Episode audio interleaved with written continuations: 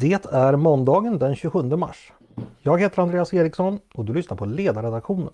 En podd från Svenska Dagbladet.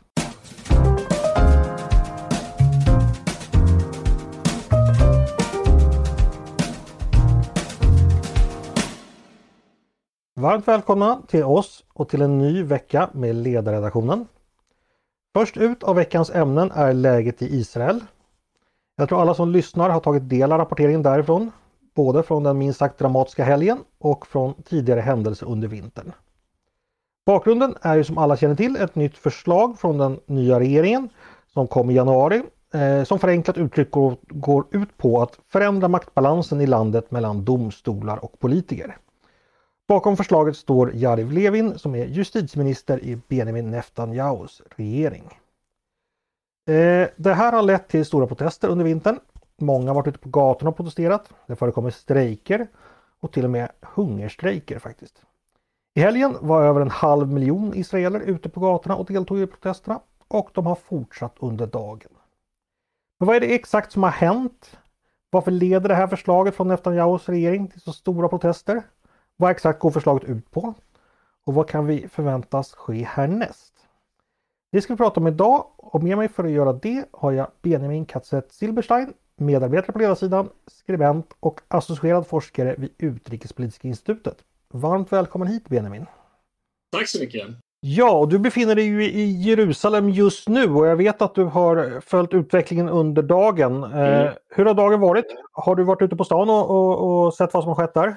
Jo, men det har varit. Jag har varit ute och tittat på, alltså det är en, en stor central demonstration här i Jerusalem som är eh, främst vid israeliska parlamentet, Knesset, Eh, jag tror även, jag tycker mig höra att det är en demonstration också på utanför presidentens bostad, inte premiärministern, presidenten.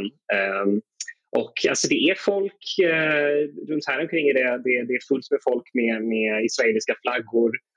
Eh, nästan alla som är ute verkar vara på väg till en av de här demonstrationerna eller ifrån dem samtidigt. Så det är klart att det finns väldigt många här som, som inte går och demonstrerar också. Alltså det, det är en väldigt delad stad, Jerusalem, eh, på många sätt. Så, men det är, det, man märker att det är någonting som är på gång. Har vi fått några besked eh, under dagen från, från regeringen exempelvis? Det talades ju om att Netanyahu skulle hålla ett tal men att det blev uppskjutet. Ja, det, det verkar, alltså, det, det, det, verkar som att det fortsätter det, det, det skjuts upp fortsatt. Eh, jag, jag har för, eh, suttit och, och, och refreshat Twitter Eh, just för att se om... Eh, han skulle ju talat i morse och så blev det uppskjutet och det verkar som att det, det fortsätter och att det blir liksom kontinuerligt uppskjutet. Och vad som förmodligen händer är att det är, det är förhandlingar bakom kulisserna då mellan alltså med koalitionspartierna, eh, Netanyahus samarbetspartners, om, som, är, som väldigt gärna vill driva igenom den här reformen. Just det, och vi ska säga alltså att vi spelar in det här då eh, halv fyra ungefär svensk tid, vilket innebär att klockan är väl en timme senare. Ja, hos ungefär halv fem i svensk tid. Du, vi ska ta ett steg tillbaka och fundera på vad det är som har hänt. Eh, den här regeringen har ju då en serie reformer på det juridiska området. Eh, vad är det egentligen man vill förändra ifall det går att sammanfatta lite?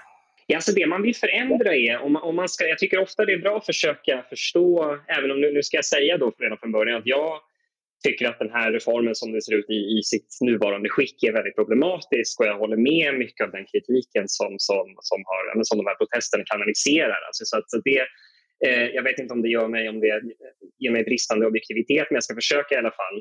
Eh, alltså det man skulle säga från, från, eh, liksom, från, från den populistiska högerns håll, från regeringens håll här, det är att eh, israelisk demokrati länge har varit begränsad av Högsta domstolen som har en väldigt internationellt sett väldigt aktivistisk roll i, ehm, i förvaltningen. Eh, så det, det, från, från, ehm, från, sett från, från de som vill se den här reformen från deras synvinkel så, så är liksom Högsta domstolen har länge varit ett sätt för, för the deep state så att säga att, eh, att fortsätta att driva politiken i den riktning som, som den vill se snarare än det som folket vill se. Eh, så det, det, är egentligen, det finns många olika lager av det här. Det finns det här eliten mot, mot, eh, mot eh, vanliga folket där Högsta domstolen helt klart representerar eliten i mångas ögon. Ehm, så det man vill, det man vill göra är man, man vill ta bort den här, alltså man uppfattar som en orättfärdig eh, spärr för, eller ett orättfärdigt eh, hinder när det gäller att faktiskt driva politik i landet. Och de har många poänger, tycker jag. Mm.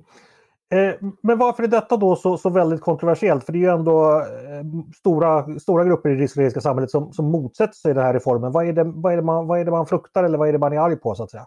Ja, alltså det, det, är väldigt fundamentala saker. Det ena är att, att man vill förändra utnämningsprocessen för domare till Högsta domstolen. Alltså I korthet kan man säga att det här reformförslaget vill göra eh, den politiska kontrollen mycket starkare över den politiska möjligheten att utse domare mycket större. För i dagsläget så är det så att det är en en typ av kommitté med, med, där ehm, eh, det är liksom både en, en så kallad opolitisk eh, röst i form av eh, Israels advokatsamfund så är det eh, Knesset-ledamöter, alltså parlamentsledamöter eh, och, eh, och så en till, jag tror att i oppositionen då, eh, både parlamentsledamöter och jag är inte hundra procent säker på det, men, men Eh, så det, det man, vill, man vill göra det mycket mer, eh, lägga den här processen under mycket mer tydlig politisk kontroll. Att egentligen, egentligen ska det räcka med, med att eh, politiker från opposition och regering eh, att man har en, en, en tillräckligt stor majoritet eh, politiskt för att utnämna, utnämna en, dom, eh, en ny domare.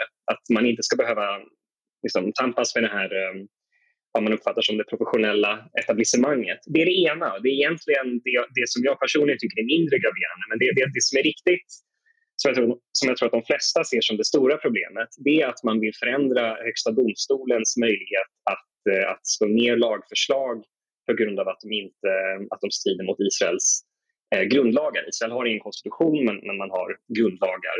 Eh, och eh, som eh, det kommit många olika versioner av det här förslaget. Men, men vad det i praktiken som det ligger nu skulle innebära är att, att eh, man med, med en ganska eh, relativt enkel parlamentarisk process och inte med någon typ av eh, kvalificerad majoritet. Jag tror att det, att det, att det ska räcka med, med enkel majoritet, men det, det är jag lite osäker på. Men, men, men i alla fall för att, eh, för att gå ovanför Högsta domstolens huvud och ändå anta lagförslag som Högsta domstolen har sagt, sagt nej till. Eh, så att man, man, skulle minska Högsta domstolens eh, utslagsgivande röst när det gäller, eh, när det gäller lagstiftning, liksom möjlighet att faktiskt vara sista instans. Och det är det som är det, är det, som är, eh, det, det, det mest problematiska, tycker jag. Mm.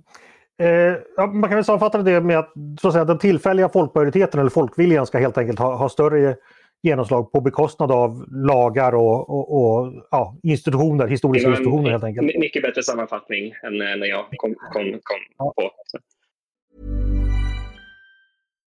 Botox Cosmetic, out toxin A, FDA approved for over 20 years. So, talk to your specialist to see if Botox Cosmetic is right for you.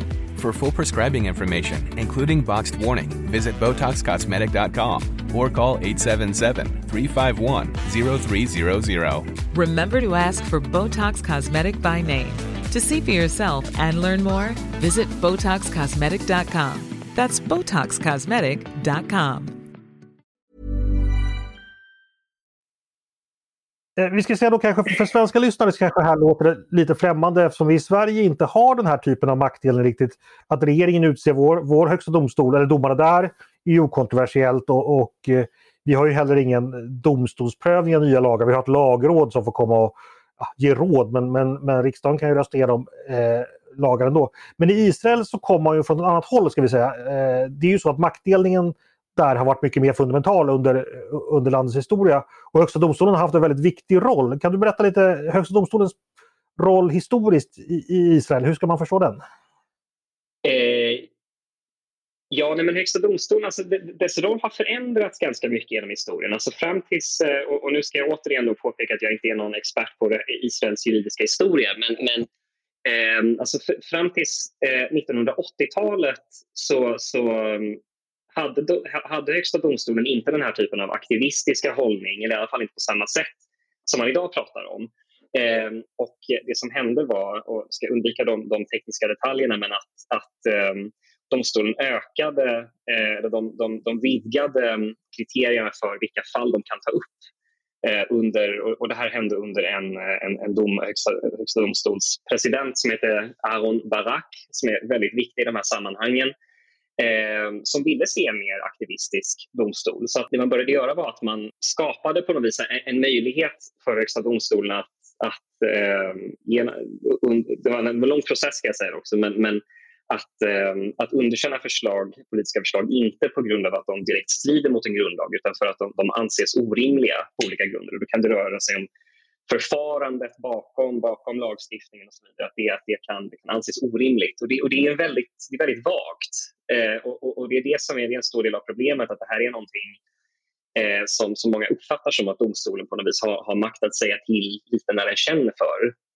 Eh, så, så det, är det, det, det är en, en, en, viktig utveckling att känna till för att, för, för att förstå vad som händer nu. Att det här är, alltså det som händer nu är ingenting plötsligt, utan det är en eh, ja, men en reaktion och ett missnöje som, som har funnits länge inom stora delar av samhället eh, som utkristalliserar sig i det här, den här juridiska reformen nu.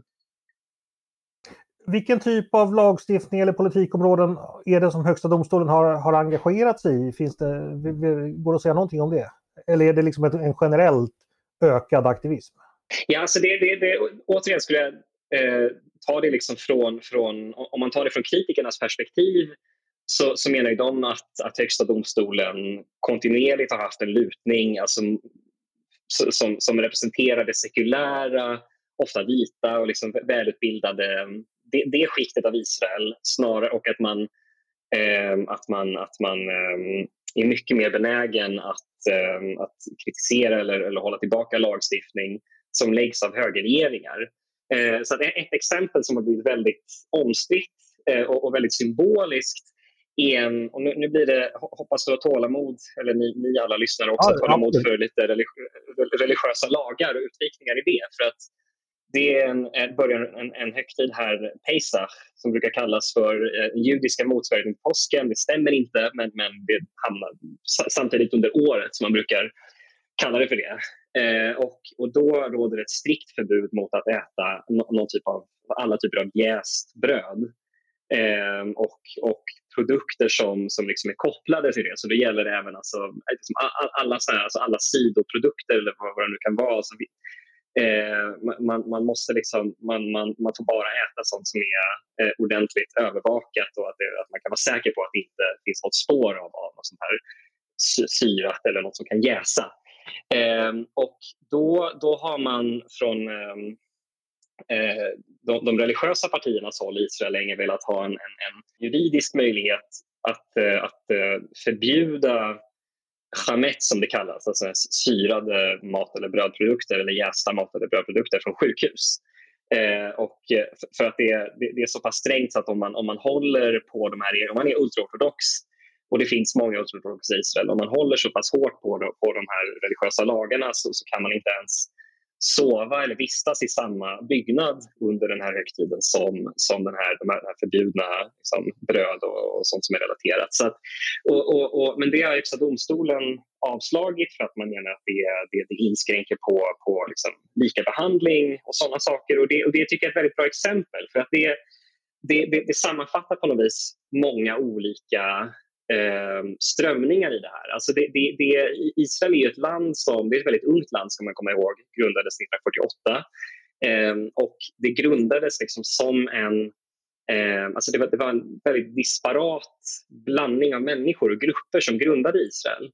Eh, så det var liksom sekulära europeiska judar och, och, och, mer religiösa judar från, från, både från, från Europa och, och Nordafrika. Liksom och ultraortodoxa och, och liksom en, väldigt, en stor blandning av människor med, med olika och väldigt, skilja, eh, väldigt disparata ideologier och så. Så, så att Israel, det, man har på något vis alltid eh, eh, det, det, har alltid varit en, en, typ av balans, som, jag ska inte säga inte terrorbalans, men liksom att de här grupperna på något vis har enats om att ni, ni får ta hand om det man sa i början av, av Israels historia. Var, det finns en, en känd uppgörelse om det, att de, de, de ultraortodoxa skulle få ta hand om sånt som rör äktenskap och, eh, och uh, judiska matregler och så skulle de gå med på att låta, låta en sekulär israelisk stat grundas. För att det var Israel är ändå, ska man komma ihåg, det är en, det är en judisk stat rent nationellt men det är en, en, eh, det är en sekulär stat.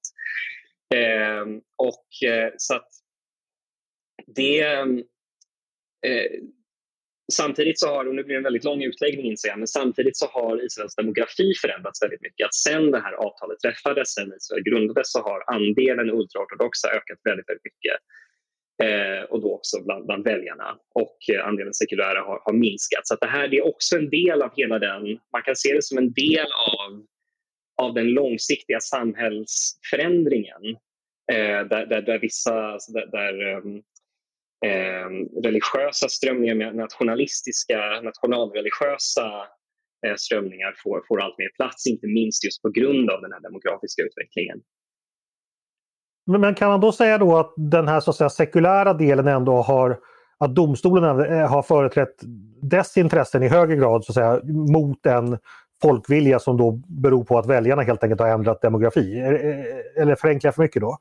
Nej, det alltså, det, det, det, det, är ett intressant sätt att uttrycka det på. Jag skulle nog säga att alltså, det är mm, från, från, eh, från domstolen, alltså, från domstolens håll skulle man ju hävda att, skulle man säga att det, alltså det man upprätthåller är ju det, det, är systemet och lagarna. Det är inte något typ av gruppintresse med, medan, eh, med, med, med, med, med, från andra sidan så är det just det man menar att, att, eh, att det den, här, den här sekulära liksom, eliten i Tel Aviv som man kallade för, för latteliberaler tror jag på amerikanska östkusten. Alltså den, den typen av liksom, eh, som, som, som många ser som en samhällselit. Eh, att det, det, det, är deras intressen som, som kritikerna menar att man har, man har skyddat. Och, och, och det har ju, alltså jag, jag, jag eh, det har ju säkert i hög grad på något sätt, alltså det, det, finns ju, det ligger någonting i det. Det, det är ju det ligger ju, men det, är ju inte alls så enkelt, men det ligger ju ändå någonting i att Alltså Högsta domstolen har skyddat en, ett, ett system och en samhällsordning som, som är demokratiskt beslutad men, men som, som kanske inte riktigt reflekterar eh, den, den skiftande majoritetsviljan. Mm.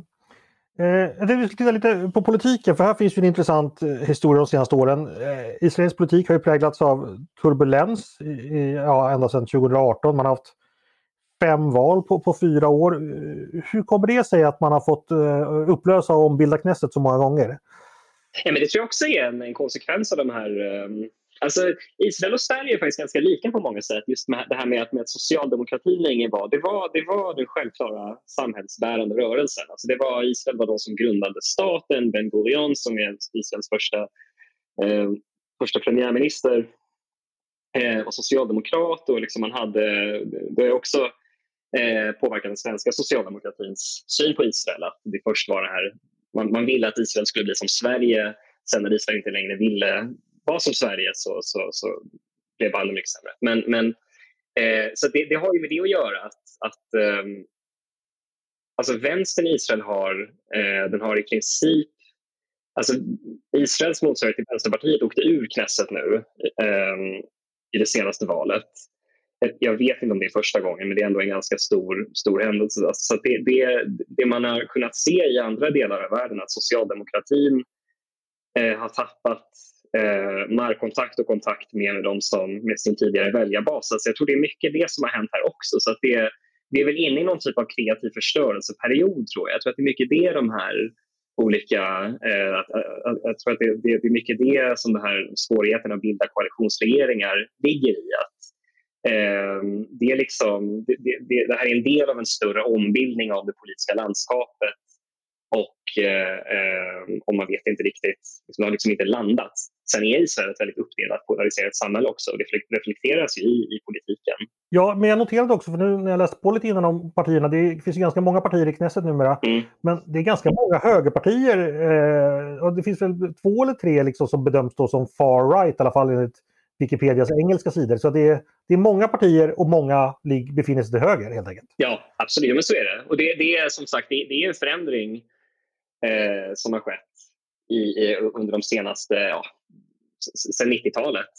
Eh, det är alltså, Israel är mycket, Israels politik är liksom mycket det här, det, det, det är grupprepresentation. Alltså, så att det finns till exempel två ultraortodoxa partier, eller till, kanske till och med att de är tre, men, men, men eh, i alla fall det är Nej, nummer två. Det är ett, ett ashkenaziskt som alltså har rötter, folk som har, judar som har rötter i Europa och ett mizrachiskt som, som eh, representerar judar som har rötter i Nordafrika och Mellanöstern. Och det, och det, alltså det, det här reflekterar på något sätt att, eh, att, eh, att partierna de, de företräder olika, olika typer av men, grupper och intressen. Och, finns, och ett parti, eh, Avigdor Liebermans parti som tidigare var Netanyahus utrikesminister, eh, traditionellt sett representerat eh, invandrare till Israel med, med rysk bakgrund, bakgrund i Ryssland och forna Sovjetunionen. Så det, det, det, är en anledning till att det finns så många, så många partier. Det är liksom att varje, varje grupp med en röst ska ha ett eget parti på något vis. Just det. Cool fact a crocodile can't stick out its tongue. Also, you can get health insurance for a month or just under a year in some states. United Healthcare short term insurance plans, underwritten by Golden Rule Insurance Company, offer flexible, budget friendly coverage for you. Learn more at uh1.com. En sak jag funderar på, det har ju dragits paralleller mellan utvecklingen i Israel och den i exempelvis Ungern eh, och även andra länder. Det vill säga liksom att vi har en populistisk ytterhöger som vinner en majoritet av väljarna i val och då försöker den utöka den politiska makten på bekostnad av andra institutioner. Exempelvis media eller som i det här fallet domstolarna. Är det en, ja, hur rimlig är den parallellen? Eller kan man förstå det som sker i Israel ja, som ett Ungern så att säga? Eller, eller blir det för förenklat? Ja, jag, jag, tycker det blir för förenklat därför att det, eh, alltså det, det är ju inte för, det är ju inte enkelt i det ungerska fallet heller men jag tycker att när man, när man säger att att Israel är som land X, Y eller Z så, så missar man... Alltså, det främsta jag tycker man missar det är de här djupa sociala konflikterna och konflikterna mellan vad man i Israel kallar sektorer, alltså olika samhällsgrupper. Det, det är så pass formaliserat nästan, den här, den här, så, ähm, äh, att, att folk eh, lever relativt separat. Äh, och, och, och, det tycker jag det, det är en så pass viktig kontext att ha med sig eh, för att förstå situationen i Israel. Så det är därför jag, därför jag tycker att den här eh, Ungern och Polen-parallellerna inte alltid förklarar så mycket. Men, men, men, men, det är klart att det finns ju absolut likheter ändå. Att, att, eh, som, du säger, som du sa då i, i, i frågan, att, att det är en, eh, en högerregering kommer, kommer till makten och, och vill nedmontera de, ja, men, som, de, som de säger, stärka demokratin och folkinflytandet Eh, men, men eh, då genom att eh, montera ner vissa det som vi ser som demokratins skyddsvallar. Ehm, så absolut, det, finns paralleller men det är inte hela, hela förklaringen. Vad säger du om Netanyahus ställning? Han har ju varit premiärminister sammanlagt tror jag, 15 år. Han var väl det redan på 90-talet och har väl hunnit bli en bit över 70 nu. Är, är ja, fortfarande en populär figur uppenbarligen. Alltså är han en hur stark är hans, är hans position skulle du säga? Han är väldigt, eh, väldigt kontroversiell och väldigt polariserande. Antingen så, så älskar man honom eller så, så hatar man honom. Eh, jag, jag, jag, vet inte precis hur, han har, hur hans opinionssiffror har sett ut just under den här krisen men, men, eh, men det är många som har röstat på honom tidigare som, eh, som, som liksom tycker att han, han, han borde ge sig på något sätt. Att han, han har tjänat Israel väldigt väl, han har gjort fantastiska saker för Israel Eh, inte minst för Israels ekonomi. Eh, men, men, att hans försök att hela tiden ständigt hålla sig kvar börjar bli lite patetiska. Och, och, och det här man ser nu, det, det är på något sätt en, det, det är en illustration av ehm, eh, hur många menar att Netanyahu har, eh, har gått alldeles för långt. Att han, eh, för att hålla ihop sin egen koalition pusha landet till, till ett så pass allvarligt läge där eh, återigen, vi har inga, inga flyg, inga avgångar på, på Israels huvudsakliga flygplats. Eh, generalstrejk. Eh, att, man, att, att, att han fortsätter att pusha för den här reformen och vägrar att stanna och ta en ordentlig, eh, liksom, stanna på riktigt och, och, och, faktiskt prata med, med oppositionen. Ska vi säga att eh, nu spelar vi in på, på måndags eftermiddagen Netanyahu har, det har sagts hela dagen att han ska hålla ett tal eh, och eh, han förväntas då eh, gå ut med att man kommer och pausa processen och, och, och, och eh, lugna ner det. Men, men, men ehm, så det, när det här släpps så anar jag att någonting kommer att ha förändrats och att Netanyahu kommer att ha gått ut med någonting. Men, men, ehm, men han kommer ju gå, hans popularitet skadas ju absolut av det. Alltså framför allt hans, hans, eh, det han lämnar efter sig, hans eftermäle blir otroligt skadat av, av att han liksom att av politiska skäl och för egen politisk vinning ta Israel till den här typen av läge och, och, och, och inte välja att vara mer, mer statsmannamässig som man hade kunnat vänta sig av någon som har varit premiär, eh, premiärminister så länge. Så det, men det, det återstår att se för att ge, ge ett akademiskt eh, sista svar på det. Mm. Eh, en sak som hände i helgen det var ju att försvarsminister Joav Gallant, eh, heter han väl, eh, han fick ju sparken helt enkelt efter att han hade varit ute och protesterat mot förslaget. Eh, vad hände där och vad har reaktionerna i Israel varit på det? Ja, han protesterar inte ens mot förslaget utan han sa just det här att, eh, att, att, det, behövs, det behövs en paus. Alltså det är det man ska, man ska ha det klart för sig. Att det i nuläget inte handlar om ja eller nej till det här förslaget nödvändigtvis utan det är det man kräver nu och det som oppositionen kräver Eh, och det som demonstranterna eh, främst kräver det är att man, att man eh, pausar den här processen för att det har man har tryckt igenom eh, en, en, en massa olika lagförslag så väldigt snabbt genom justitieutskottet som, som då tillsammans som, som är en del av hela det paketet.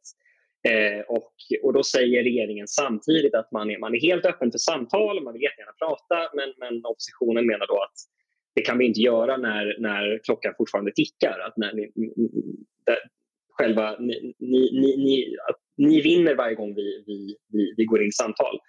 Eh, så att, eh, så det, det, är det, man, det är det man kräver och det är det som, som Joab Galant eh, gick ut och, och, och, och, gav sitt stöd till. Och det är alltså, anledningen till det och att, att det var just försvarsministern som gjorde det, det är att, att eh, den israeliska armén eh, och eh, liksom värnpliktiga och ehm, vad säger man, reservister har svarat otroligt starkt på, på det här lagförslaget om, om, eh, om ehm, justitieapparaten. Eh, och det är olika enheter, elitenheter, reservister i elitenheter som har, som har sagt att de inte kommer att ställa upp eh, och, och, och, komma på de här eh, ehm, övningarna som de behöver komma, komma på regelbundet. Eh, för att de, eh, de signade upp för att, för att slåss för en, en, en demokratisk judisk stat, inte för, för en stat där demokratin saknar spärrar.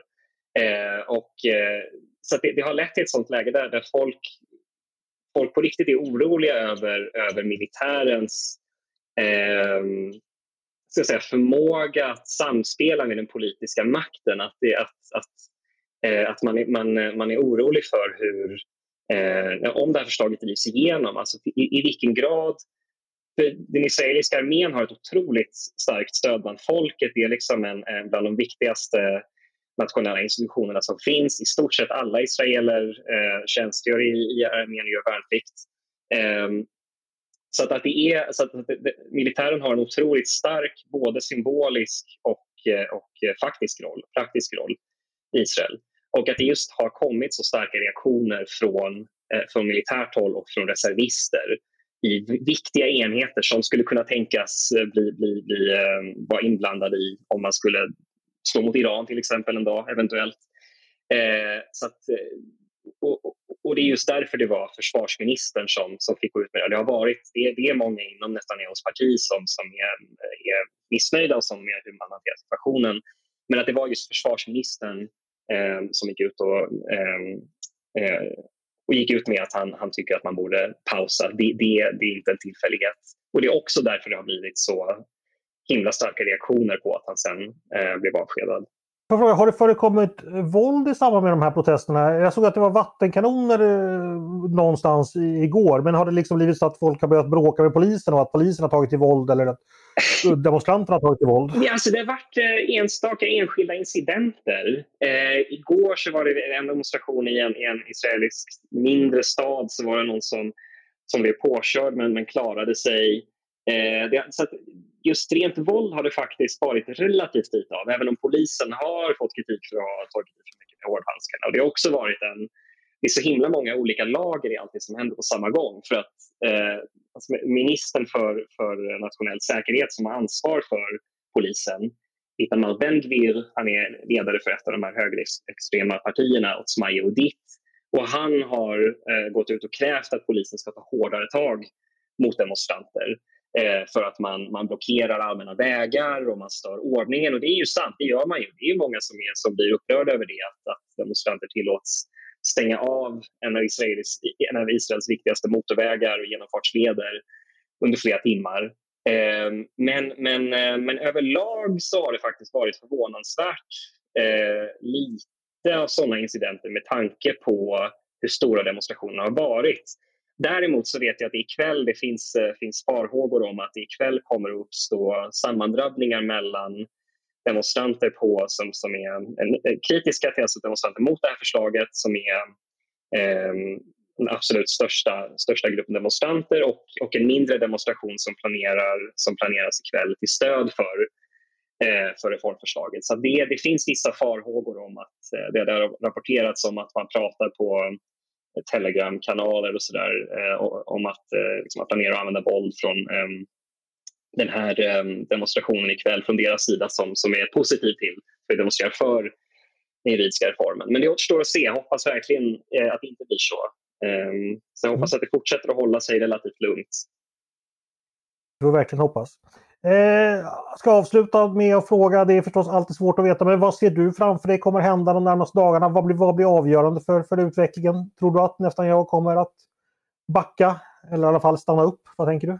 Alltså det, det, det är ju verkligen... Jag sitter och har suttit hela dagen och uppdaterat nyhetssidorna för det, det, det händer verkligen saker hela tiden. Alltså den stora faktorn just nu, det är alltså den stora striden just nu eh, pågår kanske inte, det kanske inte är den mellan demonstranter och, och regeringen utan den inom regeringen. Alltså det, det, det verkar rätt klart från nyhetsrapportering att Netanyahu själv och även andra inom koalitionen ser det som nödvändigt att gå ut med att man, man, man pausar processen men det finns då andra inom koalitionen som, som, som, eh, eh som absolut inte håller med och som också har hintat om att det, det skulle kunna leda till att koalitionen bryter samman och att Israel får gå till val igen för ja, det är sjätte gången då på bara några år. Eh, men men eh, så att det, Netanyahu har på något vis... Det, det, det, verkar som att han står inför två omöjliga val. Antingen, eh, antingen backa, vilket, eh, eh vilket är vad majoriteten i landet vill och vilket är vad alltså, eh, de som strejkar och demonstrerar vill. Eh, Eh, men, men det skulle leda till väldigt mycket problem inom koalitionen. Skulle leda till, alltså det, det, man ser det som en så pass viktig symbolisk fråga att driva igenom det här. Att, att eh, man, det, det, det har pratats om att men, eh, de som inte vill backa, som inte vill ta en paus, de menar att det skulle vara att ge upp inför anarkister som de kallar demonstranterna och, eh, att det skulle vara att ge upp för liksom, den här ordningsstörningen och, och, och allt sånt. Och, eh, så det, jag avundas honom inte och det är väldigt spännande. Eh, det mm, hoppas jag att, att alla lyssnare också tycker. Absolut, jag tror man kommer följa det här noggrant. Och det kan man bland annat göra genom att läsa dig dessutom i morgondagens Svenska Dagbladet, för då skriver du ja. om just de här händelserna. Precis, eller på webben nu tror jag. Ja, absolut. Stort tack Benjamin Katzef Silberstein för att du var med och pratade med mig idag om situationen i Israel. Tack själv. Och tack också till er som har lyssnat på Ledarredaktionen, en podd från Svenska Dagbladet. Ni är varmt välkomna att höra av er till redaktionen med tankar och synpunkter på det vi precis har diskuterat. Eller om ni har idéer och förslag på det vi ska ta upp i framtiden. Då är det bara att mejla till ledarsidan snabel svd.se. Dagens producent, han heter Jesper Sandström och jag heter Andreas Eriksson. Jag hoppas att vi hörs snart igen.